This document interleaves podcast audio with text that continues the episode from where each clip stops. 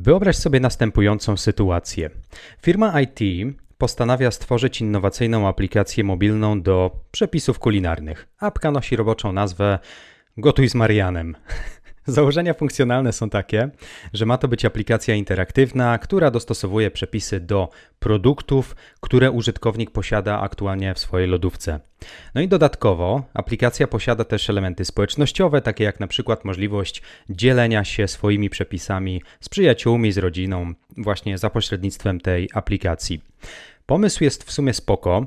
Niestety Wspomniana firma IT, która chce zbudować taką aplikację, nie posiada mm, zbyt dużego doświadczenia w realizacji takich projektów. Dlatego już na etapie jakby samego planowania projektu firma popełnia kilka błędów. Pierwszym błędem, który popełnia ta firma, jest to, że zakres prac nad całym projektem nie jest do końca zdefiniowany.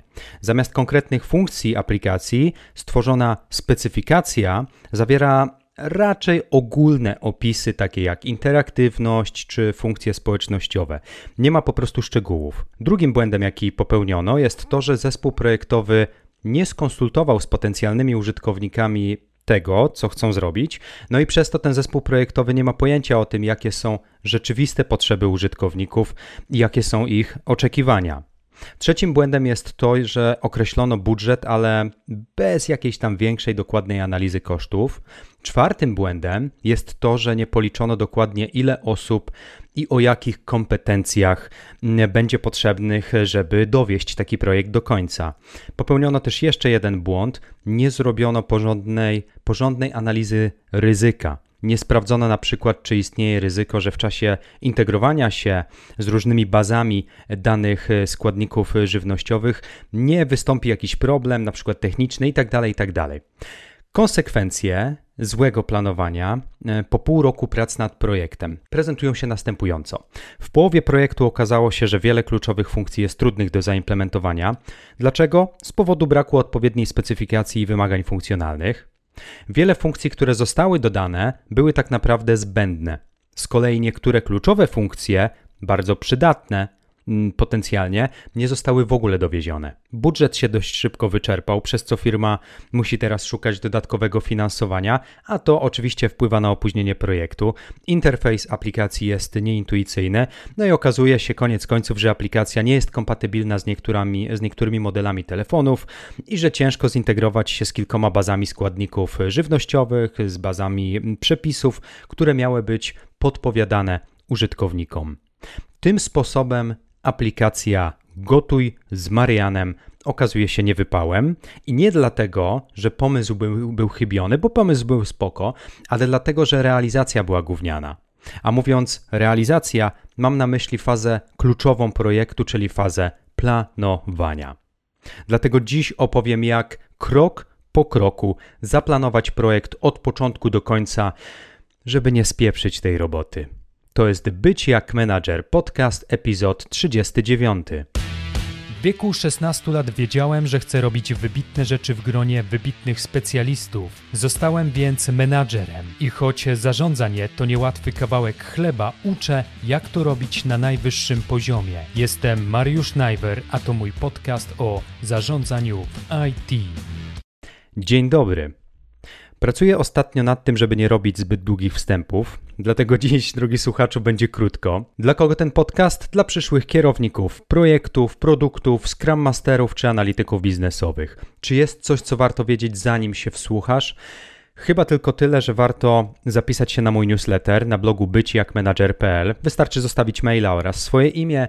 Ja tymi danymi nie handluję, nie odsprzedaję ich, a newsletter wysyłam tylko po to, żeby podzielić się osobistymi historiami, czasem poradami, jakimiś protipami oraz dać znać, kiedy pojawił się lub pojawi się nowy podcast na blogu. Zanim opowiemy sobie, jak w 10 krokach zaplanować cały projekt, to chyba warto, żebyśmy odpowiedzieli sobie najpierw na pytanie, co to właściwie znaczy dobrze zaplanowany projekt? Czym taki projekt będzie się charakteryzował i dlaczego powiemy o nim, że został właściwie zaplanowany?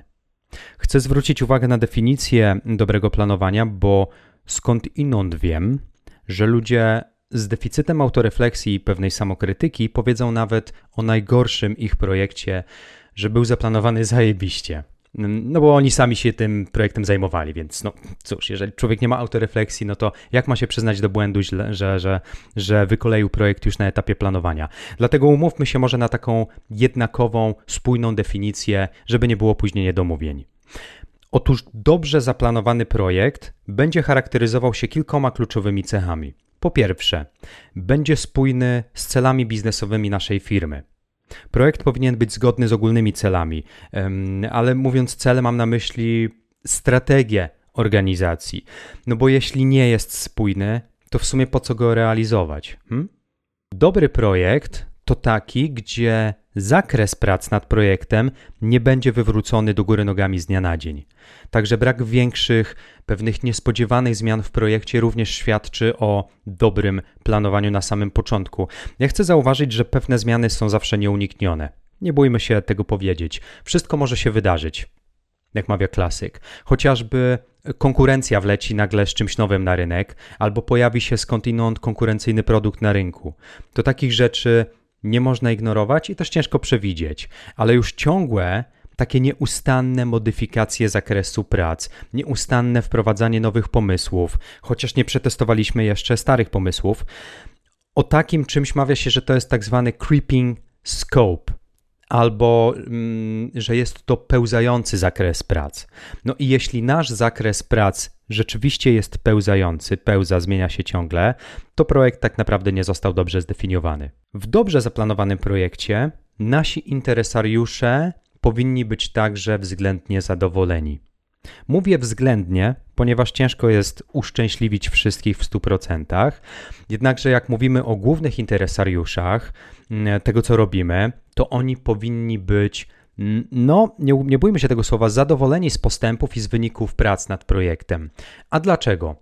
Ano dlatego, że to ich feedback, tak naprawdę opinia tych interesariuszy, ich feedback będzie później naprawdę bardzo cenny, gdy będziemy oceniać nasz projekt oraz to, czy, czy został dobrze zaplanowany, czy został dobrze zakończony itd., tak itd. Tak Kolejnym punktem, o którym chcę wspomnieć, jest to, że w dobrym projekcie trzymamy się ustalonego planu, ustalonego harmonogramu, jakiegoś kalendarza wydarzeń.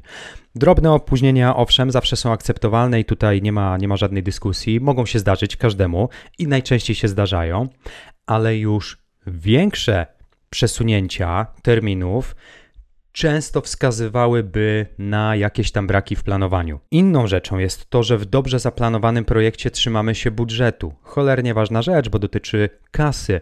Jeżeli projekt jest realizowany, powiedziałbym skutecznie realizowany, no bo każdy projekt jest jakoś tam realizowany. Natomiast jeśli jest skutecznie realizowany w ramach jakiegoś przydzielonego budżetu, a my tego budżetu nie przepalamy w zły sposób, to świadczy to o dokładnym, fajnym, realistycznym planowaniu finansowym już na samym początku. Inną rzeczą jest fakt, że a przynajmniej dla mnie jest to fakt, że w dobrym, w dobrym projekcie i dobrze zaplanowanym projekcie dowozimy jakość. Jeśli produkt spełnia lub nawet przewyższa standardy, na jakie umówiliśmy się na początku, to to jest wskazówka, że projekt został przez nas, przez Ciebie, przez PMA i zespół projektowy dobrze zaplanowany. Idźmy dalej w te definicje, bo mm, wiem, że tych czynników jest trochę, natomiast wybrałem, uwierz mi, drogi słuchacze, tylko najważniejsze według mnie. Dobrze zaplanowany projekt to jest taki, gdzie komunikacja nie pozostawia wiele do życzenia. Chodzi o to, żeby zespół projektowy regularnie spotykał się z interesariuszami, albo z użytkownikami, albo z klientami. Jeśli taka komunikacja jest regularna jest skuteczna, jest efektywna, to świadczy również o dobrym planowaniu. Dalej, jeśli projekt został dobrze zaplanowany, to słowo klucz dokumentacja projektowa będzie prowadzona. Ale jak będzie prowadzona? No po pierwsze pieczołowicie i dokładnie, a po drugie to regularnie. W sensie mam na myśli to, że najbardziej kluczowe rzeczy, jakieś ustalenia, decyzje zawsze będą gdzieś udokumentowane. Ja nie jestem oczywiście fanem przerostu treści nad formą. Mm, zresztą nadmiar dokumentacji zawsze mi się kojarzy z, z wielkimi korporacjami, dlatego osobiście nigdy nie cisnę, żeby dokumentować absolutnie wszystko. Nie, to też w drugą stronę przesadzać, popadać w inną skrajność, to też jest błąd. No bo wtedy robi się mocna biurokracja. Natomiast te najważniejsze, najbardziej kluczowe rzeczy powinny zostać gdzieś zarchiwizowane w jakimś naszym wewnętrznym repozytorium dokumentów. O dobrym planowaniu mówię, gdy po zakończeniu projektu przeprowadzany jest tak zwany przegląd. O tym się mówi chyba review w, między, w międzynarodowych zespołach. Chodzi przede wszystkim o takie wydarzenie projektowe, gdzie obiektywnie patrzymy na to, co udało nam się osiągnąć, a następnie oceniamy też obiektywnie, otwarcie nasze sukcesy, ale także nasze porażki. Zaplanowanie takiego wydarzenia, bo to musi być zaplanowane wcześniej, świadczy też o pewnej takiej dużej dojrzałości projektowej PMA, który przewodzi i kieruje takim projektem. Na koniec dodam, że w dobrze zaplanowanym projekcie ryzyko będzie zawsze zminimalizowane. W sensie nie przewrócimy się na łeb na szyję, bo nie przewidzieliśmy jakiegoś większego ryzyka na etapie planowania. I to tyle, jeśli chodzi o definicję dobrze zaplanowanego projektu. Mam nadzieję, że ustawiłem grunt, że mm, rozumiemy to podobnie. Mamy teraz wspólną definicję. Jeśli Twoja definicja dobrego planowania, drogi słuchaczu, jest inna, ja chętnie o tym przeczytam. Sekcje komentarzy na moich mediach społecznościowych są do Twojej dyspozycji. Natomiast chciałem ten, ustawić jakby ten grunt na potrzeby dalszej części mojego dzisiejszego podcastu. No i teraz, kiedy już rzuciłem nieco światła na to, czym jest dobre planowanie projektu, pozwól, że wejdę w tytułową część naszego podcastu. Opowiem o tym, jak zaplanować cały projekt od początku do końca. Żeby było łatwiej, bo ja lubię sobie, ale także Tobie ułatwiać życie, zwłaszcza to życie zawodowe, żeby było łatwiej przyswoić tę wiedzę, podzieliłem cały ten proces na 10 teoretycznie prostych kroków. Aczkolwiek wiadomo, że skala trudności zawsze, mm, zawsze będzie zależeć od naszego doświadczenia. Im project manager, kierownik projektu bardziej doświadczony, tym łatwiej poradzi sobie z takim wyzwaniem. Nie chcę się już powtarzać. Mam nadzieję, że to wybrzmiało z kontekstu, że zaplanowanie projektu to jest absolutnie rzecz fundamentalna, która bezpośrednio wpływa na to, czy nam się uda, czy nam się nie uda i spieprzymy robotę. Zaznaczę jeszcze, że w sieci, jak pogooglujemy, łatwo znajdziemy bardzo wiele różnych szablonów, i nie tylko szablonów, ale także narzędzi interaktywnych, aplikacji, które pomagają zaplanować cały projekt. Nie chcę natomiast wchodzić tema, e, teraz jakby w temat narzędziówki, bo bo rozproszyłbym Twoją atencję. Zdradzę tylko, że pracuję nad darmowym e-bookiem, który zamierzam wkrótce udostępnić wszystkim subskrybentom mojego newslettera. Także tam umieszczę nazwy, ale także opisy najbardziej przydatnych narzędzi dla PMA. Nie wspominam o narzędziach tutaj, bo to temat rzeka. Skupmy się na, na, na, na istocie, czyli to e, na tym, co powinniśmy tak naprawdę zrobić, żeby zaplanować projekt. Pierwszy krok. Zdefiniuj cel i zakres projektu. Dlaczego to takie ważne? Musisz jako kierownik projektu zdefiniować, co tak naprawdę zamierzacie zrobić. Ktoś powiedział, że jeśli nie masz celu, to do niczego nie dojdziesz. No i dlatego musisz jako kierownik projektu nazwać, pokazać kierunek, w którym zamierzacie iść, co zamierzacie osiągnąć. Jeśli projektem jest stworzenie na przykład kulinarnej aplikacji o nazwie Gotuj z Marianem, no to powinieneś zadbać o to, żeby opisać przede wszystkim cel projektu, najważniejsze wymagania funkcjonalne, co musi posiadać i jak ma działać gotowy produkt, a przynajmniej jego pierwsza wersja, oraz co dokładnie wchodzi w zakres projektu, ale nie tylko co wchodzi w zakres, warto i powtarzam to za każdym razem od razu wypisać, co zostało wyłączone z tego zakresu żeby później się nie okazało, że klienci, sponsorzy, interesariusze myśleli, że zrobicie więcej. Krok numer dwa to zidentyfikuj głównych interesariuszy tego projektu. I to jest dość ważne, żeby określić, dla kogo będziemy tworzyć nasz produkt, kim będą najbardziej zainteresowane strony. Jako project manager musisz wymienić, najlepiej z imienia, z nazwiska, dołączając adres mailowy albo jakiś kontakt do tej osoby, wszystkich potencjalnych interesariuszy waszego projektu. Mogą to być na przykład kluczowi klienci, jacyś konkretni użytkownicy, inne zespoły w firmie lub departamenty w firmie, mm, dział sprzedaży, ktokolwiek, kto ma być beneficjentem waszego rozwiązania. W drugim kroku dowiedz się również, jakie są oczekiwania interesariuszy wobec waszego produktu. No już chyba nie muszę się powtarzać, że spisz te wszystkie wymagania gdzieś.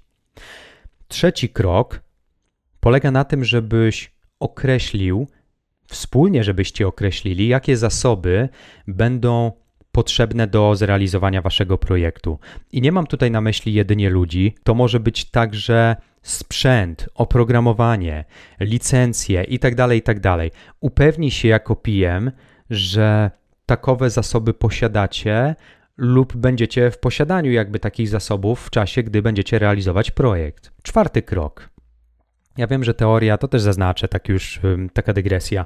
Wiem, że teoria brzmi zawsze łatwiej niż praktyka. Natomiast realizacja podcastu i dzielenie się wiedzą polega na tym, że wiedza i doświadczenie to jest to, czym co najwyżej mogę się podzielić mm, i staram się, żeby jak najwięcej praktycznych porad wychodziło z tego, o czym opowiadam. Natomiast koniec końców to, jak to zostanie ogarnięte, zależeć będzie już tylko od ciebie. Czwarty krok budżet. Zapamiętaj proszę to słowo. To jest jedno z tych zadań, których nie powinieneś robić sam. W sumie to na każdym etapie planowania warto zapraszać współpracowników do dyskusji. Najlepiej wszędzie tam, gdzie czujesz, że przyda Ci się wsparcie merytoryczne innych osób z firmy. Przede wszystkim w tym kroku, w kroku czwartym, powinieneś oszacować koszty związane z projektem. I trzeba pamiętać, żeby uwzględnić zarówno koszty stałe, jak też koszty zmienne. Budżet musi być jak najbardziej realny, ale jednocześnie założyć pewien margines błędu. Planowanie na tym polega, że staramy się jakby przewidzieć jak najwięcej, ale pamiętajmy, że nie przewidzimy wszystkiego. I tutaj mała uwaga. Wiele firm, głównie startupów, będzie cię przekonywać, że macie nieograniczony budżet, że to jest studnia bez dna, że to jest never ending story. Dotyczy to zwłaszcza młodych firm, które wyczarowały skądś jakieś finansowanie i wydaje im się, że mogą przepalać hajs bez końca. Ty jako PM możesz wtedy zrobić dwie rzeczy. Albo pominąć ten krok, uwierzyć szefostwu, że ta studnia nie posiada dna, studnia finansowa, czego nie polecam, albo drugie podejście, i tak skłonić swoje szefostwo do pochylenia się nad budżetem projektu. Choćby dlatego, że to jest dobre ćwiczenie, które zmusza nas do przemyślenia, ile osób, jakie kompetencje oraz ile sprzętu będziemy potrzebować. Żebyś potem nie biegał do szefów za kilka, kilkanaście tygodni i nie prosił ich o dodatkowy budżet na na przykład kolejną osobę w zespole, którą udało się zrekrutować albo którą trzeba zatrudnić do projektu. Ustal to już na etapie planowania, a później będziesz mieć spokój. Krok numer 5. Jesteśmy już w połowie rzeczy, mm, w połowie rzeczy, które warto zrobić, gdy planujemy produkt, e, produkt, projekt, chociaż projekty tworzą produkty. Stwórz jakiś harmonogram projektu. Między Bogiem a prawdą to każdy projekt powinien mieć jakieś ramy czasowe. Ciężko mi sobie wyobrazić, że zaczynamy coś robić, ale tak naprawdę to nie bardzo interesuje nas, ile mamy na to czasu, czy jest jakiś deadline, czy możemy pracować sobie nad tym w nieskończoność. Już nawet jak mówię to na głos, to, to zaczyna brzmieć absurdalnie. To, co możesz zrobić jako PM, żeby lepiej zaplanować cały harmonogram, to przede wszystkim określ na przykład jakieś główne etapy projektu. A kiedy masz już określone etapy projektu, to podziel te etapy na mniejsze kamienie milowe. Aż w końcu wspólnie z zespołem zastanów się, jaki byłby sensownie potrzebny czas do realizacji tych kamieni milowych. Nie musisz myśleć nad konkretnymi datami, jeśli jest ciężko wycenić te kamienie milowe w tygodniach pracy, to przynajmniej zastanówcie się, czy potrzebujecie na dany etap jednego czy dwóch kwartałów. Tam, gdzie jesteś w stanie podać dokładniejsze estymaty, no to podaj, ale tam, gdzie występuje dużo zmiennych, mm, no to wyceniajcie kamienie milowe w miesiącach, nawet w kwartałach, ale zawsze flagujcie potencjalne ryzyko. Zresztą o ryzyku e, za chwilę sobie jeszcze powiemy. Harmonogram to jest taki must have dobrego planowania. Punkt szósty na naszej roadmapie dobrego planowania to ustalenie planu komunikacji. No dobra, komunikacja to trochę takie już wyświechtane słowo. Wszyscy mówią, a komunikacja to, komunikacja tamto. Wiadomo, powstało i wciąż powstaje setki, nawet jeśli nie tysiące książek o, o tym, jak się komunikować, natomiast na potrzeby naszego zaplanowania projektu.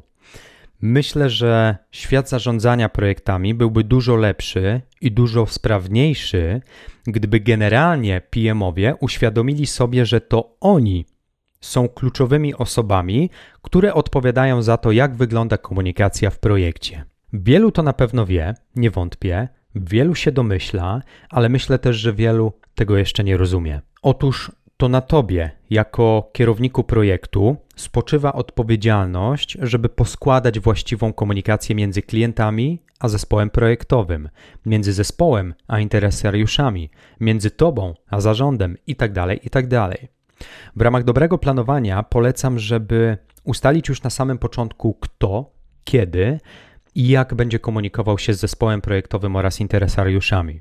I niech to będą konkretne ustalenia, na przykład cykliczne spotkanie z zespołem projektowym raz w tygodniu na szybki update. Cykliczne spotkania PM-a oraz lidera technicznego raz w miesiącu z interesariuszami. Podaję tylko przykłady. W zależności od tego, jak chcecie działać, dogadajcie się z osobami zaangażowanymi w projekt już na samym początku, jak ta komunikacja będzie wyglądać. Krok siódmy. Przeanalizuj wszystkie potencjalne ryzyka. Wspominałem, że powiemy jeszcze o ryzykach. I tak jak mówiłem przy okazji harmonogramu projektu, warto już na etapie planowania, żebyś zadał to pytanie zespołowi mm, projektowemu, czy ktokolwiek widzi jakiekolwiek zagrożenia. Przedstawiasz plan, definiujesz cele, zaczynacie omawiać jakieś kamienie milowe. Być może brakuje Wam jakichś ważnych licencji, które będą potrzebne, a może brakuje kompetencji w zespole, a może budżet wydaje się tak trochę nie do końca wystarczający. Jeśli nie zmusisz siebie, ale też współpracowników do refleksji nad zagrożeniami, potencjalnymi zagrożeniami w projekcie, to być może pewnego dnia obudzicie się z ręką w nocniku i będzie już po wszystkim, i będzie po ptakach. Jeśli pytasz mnie, jak udokumentować ewentualne ryzyka, to odpowiadam w najprostszy możliwy sposób. Ja zawsze wypisuję potencjalne ryzyka od myślników, czy tam od jakichś bullet pointów i przeznaczam na to osobną kolumnę w moim Excelu. Excelu czy tam jakimś innym arkuszu, z którego akurat korzystam. I to tyle. Ryzyka, pomyśl o nich. Mm, tego nie powinno się pomijać w czasie planowania. Krok ósmy. Już sporo pracy wykonałeś, niemalże całą pracę, już projekt jest prawie, prawie zaplanowany idealnie. Wchodzisz już na ósmy krok, a ósmy krok na drodze do zaplanowania całego projektu dotyczy jakości. Dziwne, że to słowo nie padło już wcześniej, ponieważ jakość to jest słowo wytrych. Nierzadko jest to wartość, dzięki której odróżnimy prawdziwych rzemieślników od wyrobników. Ja nawet swego czasu jakiś post na LinkedInie publikowałem o tym, jak odróżnić na etapie rekrutacji rzemieślnika od wyrobnika. Swoją drogą definicja mm, wyrobnika w słowniku języka polskiego jest ciekawa. Zachęcam, żeby mm, już e, w trybie offline zajrzeć sobie, e, w sensie poza, poza, poza podcastem. Bycie project managerem oznacza również, że jesteś i zawsze będziesz strażnikiem jakości tego, co robi i co dowozi zespół projektowy. Nawet jeżeli wiesz, że to interesariusze będą jakościowo oceniać, co robicie, ty jesteś tym pierwszym bodyguardem, tym strażnikiem na pierwszej linii. I to dlatego w ósmym kroku planowania rekomenduję, mm, żebyśmy spróbowali stworzyć coś, co moglibyśmy nazwać, nazwać roboczo planem jakości. O co chodzi? Chodzi o to, żebyśmy umówili się z zespołem na pewne standardy. Jeśli nie wiesz, jaką, mm, e, jaką mógłby przyjąć formę taki, taki plan jakości, to polecam stworzyć na przykład kryteria akceptacji. Nie wiem, czy słyszałeś już wcześniej to pojęcie, albo alternatywnie do kryteriów e, akceptacji, kryteria sukcesu. Na pewno obił ci się o uszy jeden albo drugi zwrot. Acceptance criteria często się słyszy. Często takie kryteria akceptacji spisywane są, gdy planujemy wdrożyć nową funkcjonalność.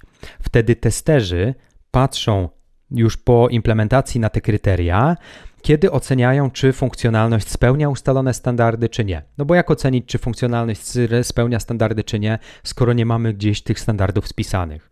I podobne kryteria można stworzyć dla naszego projektu, nie tylko dla funkcjonalności. Przykładowo, można ustalić, że użytkownik korzystający z naszej aplikacji kulinarnej, przypominam, gotuj z Marianem, bezproblemowo i bezawaryjnie będzie w stanie pozyskać dla siebie co najmniej trzy losowe przepisy. Oczywiście jedno kryterium jakości to trochę za mało. Stwórz listę takich kryteriów akceptacji albo kryteriów sukcesu i w ten sposób masz gotowy swego rodzaju, swego rodzaju plan jakości, plan na jakość. Dziewiąty krok, przedostatni. Ustal. Najlepiej z zespołem, może z zarządem albo z kierownikiem produktu, z product managerem, jak mierzony będzie sukces. W tym zadaniu w czasie planowania na pewno, jeśli występuje taka rola w waszym, e, w waszym zespole, pomoże ci pro, e, manager produktu, czyli product manager.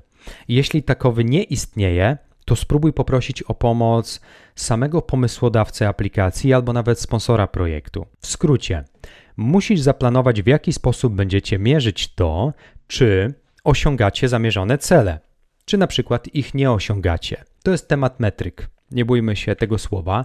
A temat metryk to dla mnie temat rzeka. Jako produktowca. Opowiadałem więcej o metrykach w epizodzie 9 podcastu, jak też w epizodzie 33 mojego podcastu. Zapraszam do odsłuchu, jeśli chcesz wiedzieć, jak poprawnie definiować metryki, czym one tak naprawdę są oraz jak nam, produktowcom czy kierownikom projektu, służą w pracy. Ustalenie, jak będziesz monitorować postępy prac w projekcie, to jest super ważna rzecz w trakcie całego planowania i planowania tej naszej przygody z projektem. Także pamiętaj o tym, proszę. Ostatni, dziesiąty punkt. Myślę, że jakbym zadał teraz pytanie, co jeszcze nam zostało w tym planowaniu, nie każdy by zgadł za pierwszym razem, ale jest jedna taka ważna rzecz, która dotyczy już końca projektu, a którą warto zaplanować na początku. Zastanów się bowiem nad procesem zakończenia projektu. Zauważyłem mm, w ostatnich latach pracy w różnych organizacjach nad różnymi projektami, że na etapie planowania projektu nie każdy PM mm, myśli także o zakończeniu tego projektu. W sumie nie ma się co dziwić, no bo skoro wiele projektów trwa wiele długich miesięcy, to kto by tam myślał o tym, jak powinien wyglądać proces skończenia takiego projektu. Natomiast stworzenie procesu lub chociaż pobieżne opisanie tego, jak będzie wyglądał proces oddania projektu albo przekazania gotowego produktu klientowi jest rzeczą naprawdę ważną. Dlaczego? Ponieważ jak nie umówicie się na początku, kto, kiedy, w jaki sposób będzie odbierał projekt, to na samym końcu klient może powiedzieć na przykład: OK, panowie i panie, fajnie, że skończyliście robotę. To powiedzcie, na kiedy uda Wam się teraz przeszkolić naszych użytkowników z tego, jak korzystać z Waszej aplikacji? No i mamy sytuację patową, ponieważ klient żył w przekonaniu, że po skończonej pracy Wasz zespół poprowadzi jeszcze jakieś dodatkowe szkolenia dla użytkowników. Problem w tym, że takich szkoleń nie uwzględniono w budżecie. No i kto za nie teraz zapłaci? Klient myśli, że to było w cenie. Legenda głosi, że im więcej szczegółów dogadasz na początku, tym mniej niespodzianek będzie na ciebie czekać na końcu. Myślę, że to jest wciąż żywa legenda. Myślę, że stworzenie i opisanie jakiegoś prostego nawet procesu, jak będzie wyglądało oddanie projektu, możesz śmiało traktować jak taką wisienkę na torcie dobrego planowania. I tą słodką wisienką zakończymy naszą instrukcję tego, jak zaplanować projekt od początku do końca. Pamiętaj tylko, że planowanie projektu to zawsze będzie proces dynamiczny i ten plan może wymagać różnych zmian w miarę jak postępują prace. Powiedziałbym, że takim złotym środkiem będzie tutaj bycie elastycznym i pewna taka otwartość, bycie takim otwartym na feedback od zespołu, ale też od interesariuszy. Jeśli masz jakieś dodatkowe pytania, odsyłam do mm, sekcji komentarzy w moich mediach społecznościowych. Z góry dzięki za dziś. Zapraszam też do śledzenia mnie w sieci po więcej, subskrybowania newslettera i spotkania się ze mną w ramach konsultacji menedżerskich. Dbaj o siebie i innych. Cześć!